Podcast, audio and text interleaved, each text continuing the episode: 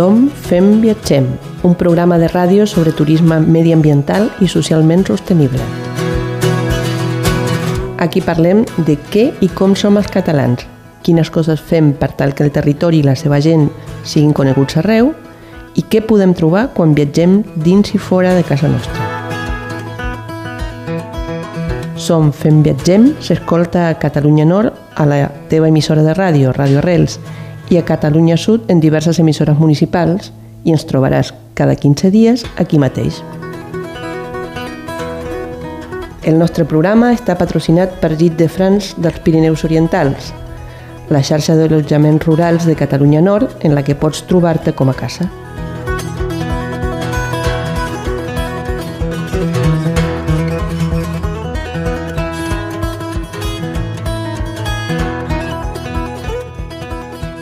Malgrat que el calendari ens diu que ja ha començat la primavera, o potser per això, justament, és que hem pogut donar-li en aquests dies la benvinguda a la pluja a les nostres terres, cosa que, que saludem perquè feia molta falta, estava tot molt sec, i per tant, benvinguda pluja. Però també aquest clima una miqueta més fresc i una miqueta més melancòlic eh, ens ha predisposat a la reflexió i és per això que en el nostre Som responsables. Li hem demanat a la Sara, a la Sara López Canyes, que ens expliqui quines 10 coses podem fer perquè l'ambient no es ressenti de la nostra presència, eh, per poder ser una mica més viatgers responsables i no pas turistes que ho embruten tot i que i com malmeten. Uh, doncs per això, justament, l'escoltarem avui explicar-nos aquestes 10 accions que tenim per davant. I també ens anirem de viatge, clar, i ens anirem de viatge a les aigües caldes, a les aigües càlides de Caldes d'Estrac, al Maresme, un petit poble originalment de pescadors, però que avui dia és un lloc en el qual el turisme encara pot ser una cosa de salut i una cosa de benestar. I per això estarem amb el Toni, amb la persona que porta el balneari municipal de Caldes d'Estrac i l'escoltarem explicar-nos amb molt d'entusiasme, que és el que sobretot ell té, què és el que podem anar a fer a, a Caldetes, a Caldes d'Estrac, per cert, el lloc en el qual jo em vaig fer catalana. Endavant, viatgers.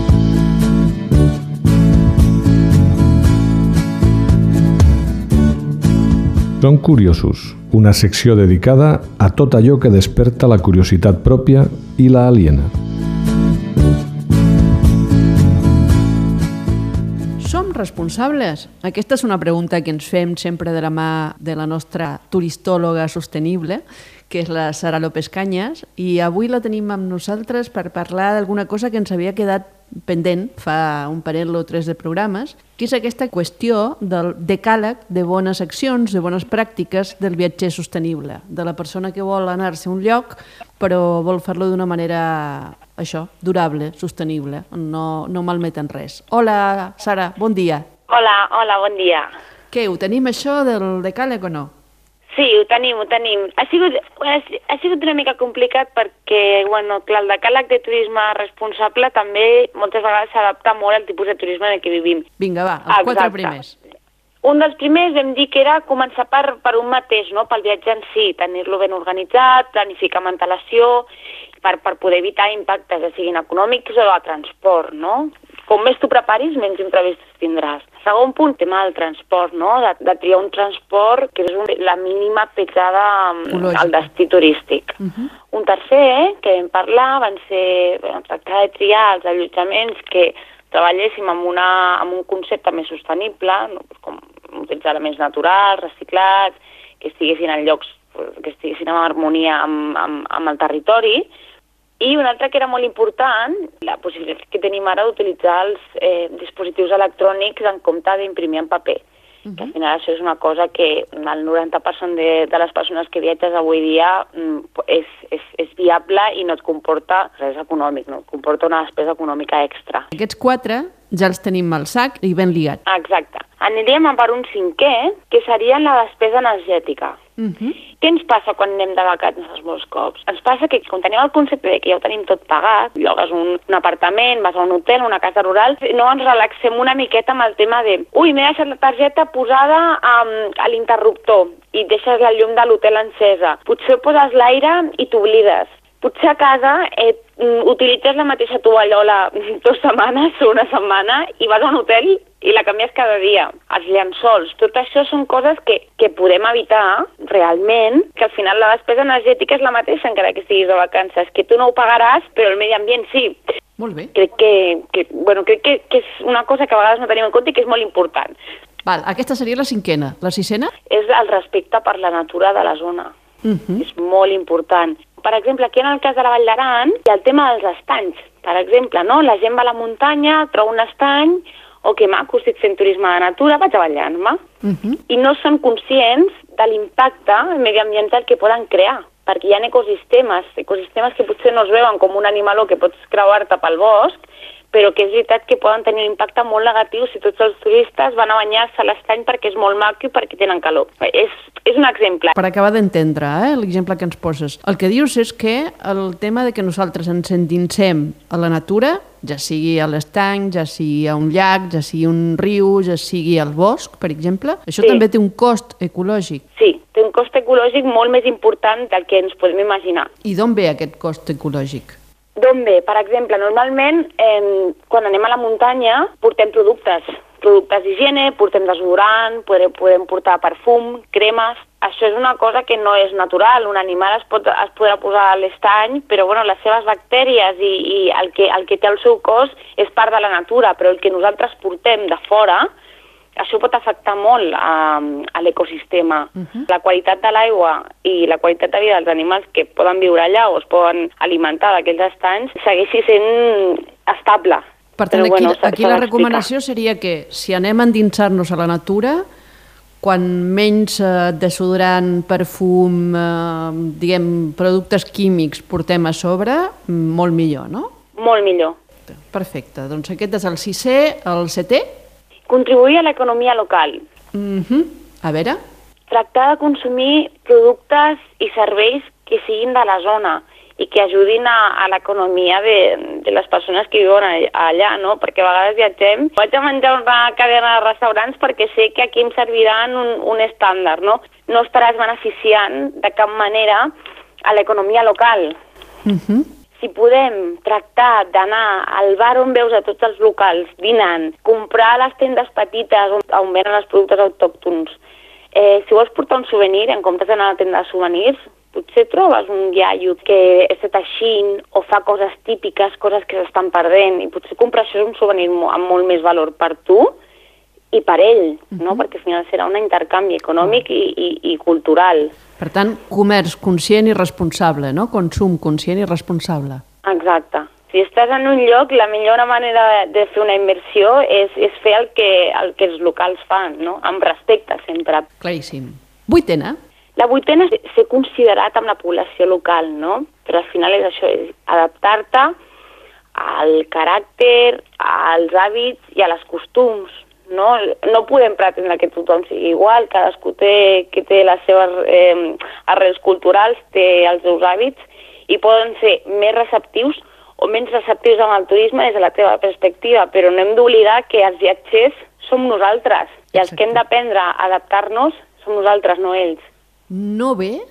El novè, intentar minimitzar la, els residus. Si podem evitar comprar em, productes d'un sol ús, les ampolles que siguin re, reutilitzables, em, tot el que sigui plàstic. Tot això, si ho podem evitar, ajudarem molt a que els residus siguin mínims. També és molt important, si per exemple estàs en un apartament, perquè un hotel seria diferent, mm, informar-te de com es recicla la ciutat, perquè cada ciutat o cada, cada, cada país és un món. Al final és, és un pas molt important. Segur. No estem sols, no som els únics viatgers, no?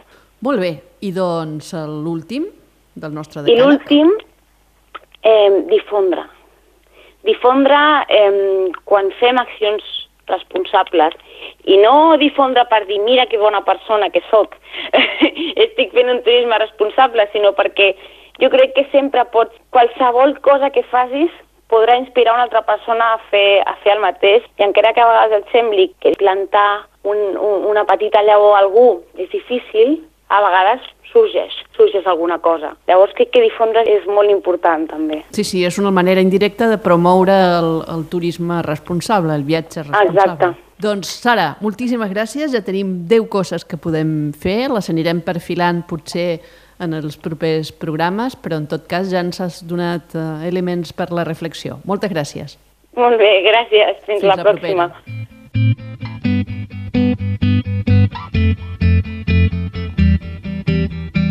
Viatgem. Viatjar és un plaer i al Som Fem Viatgem t'expliquem on pots anar per tal de viure'l.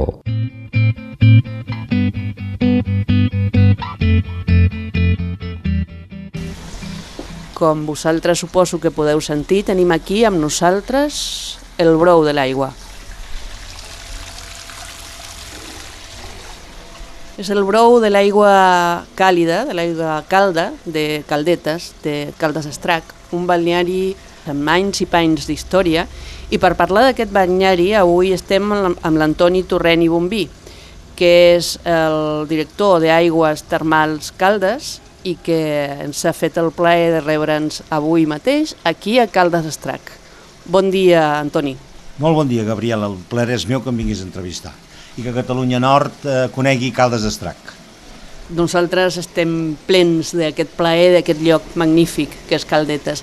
Escolta, què és el balneari de Caldes Estrac? Aigua. El 1800, en aquest cas 1818, com es construeix aquest edifici, en mans dels, pobre, dels pocs vilatans que en aquells moments hi eren per honorificar la creença de les aigües miraculoses de la Nostra Senyora del Remei, les de Caldes d'Estrac. La història després ens ha anat dient quines són aquestes singularitats i per què és una aigua diferent que potser les altres. I quines són aquestes diferències? El fet és, és sobretot geològic i aleshores hi posem la part religiosa. Geològicament és una aigua de, ens arriba d'una enorme profunditat, quasi 3 quilòmetres de profunditat. Per tant, sabem que són una aigua que bàsicament qui l'escalfa és el magma.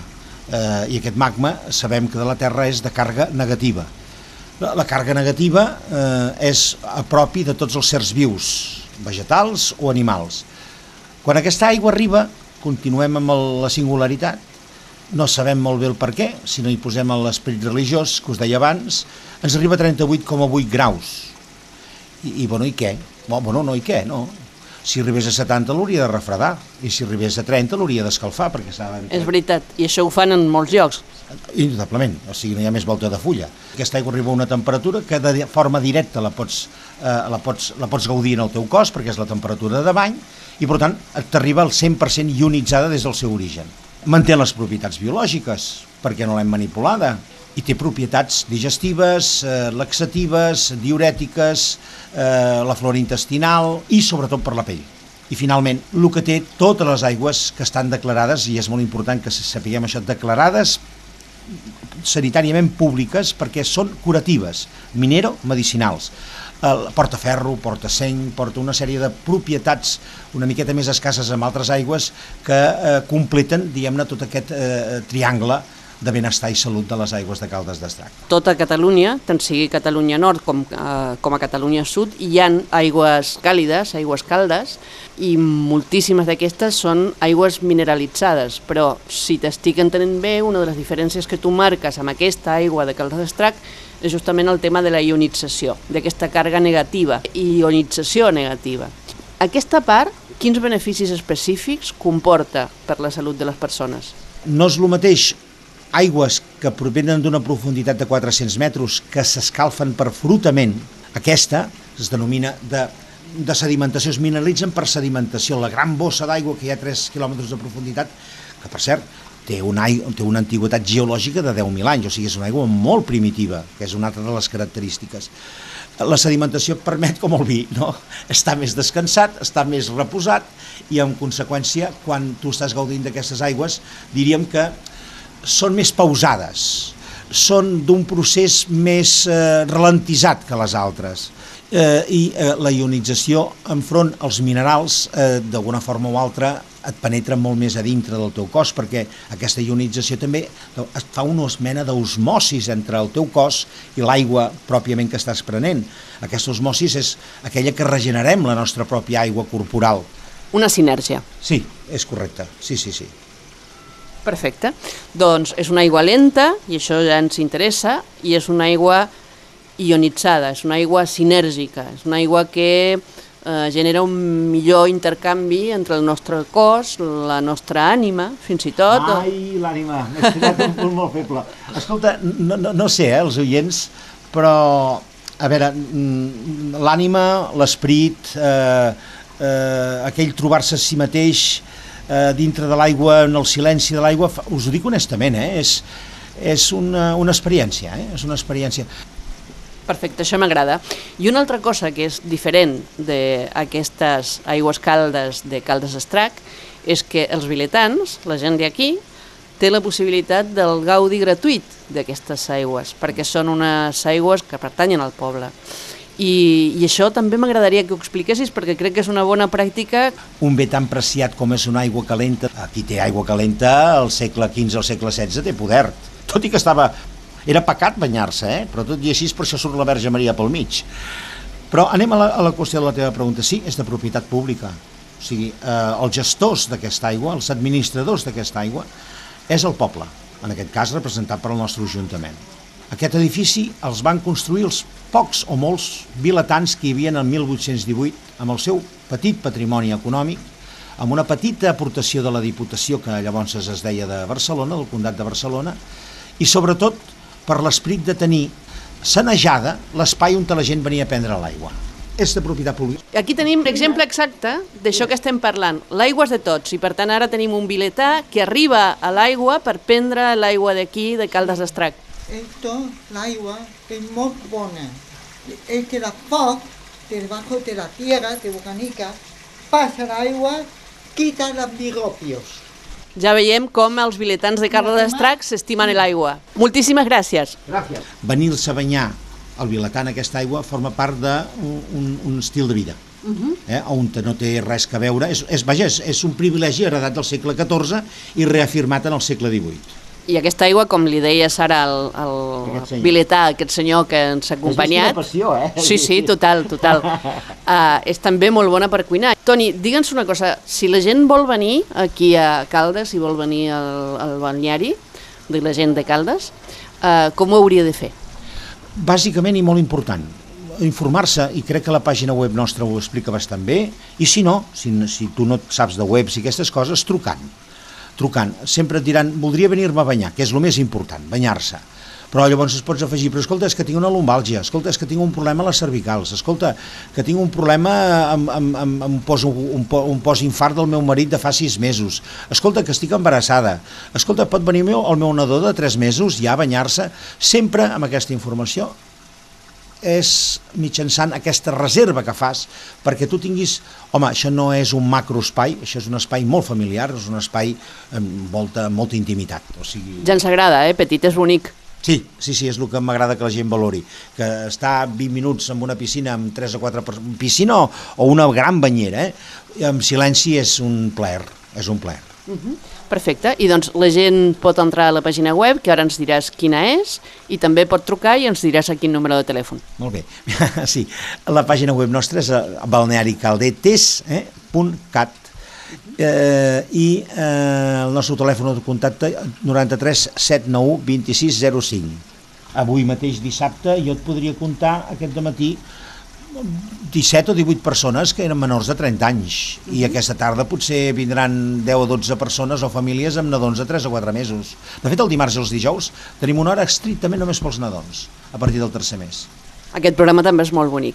Escolta, això, perquè la gent pugui connectar-se, eh, doncs ja ens has donat les teves dades, les dades del balneari, um, i tornem a dir-ho, és un balneari que està obert al públic, que és de propietat dels viletans i les viletanes del poble i el que segurament ens, ens agradarà tornar una mica més endavant per tornar a parlar amb tu perquè ens expliquis la història del balneari i algunes altres particularitats de la balneoteràpia aquí a casa nostra, a Catalunya. Una abraçada. Una abraçada meva més forta. Gràcies a tots vosaltres, oients.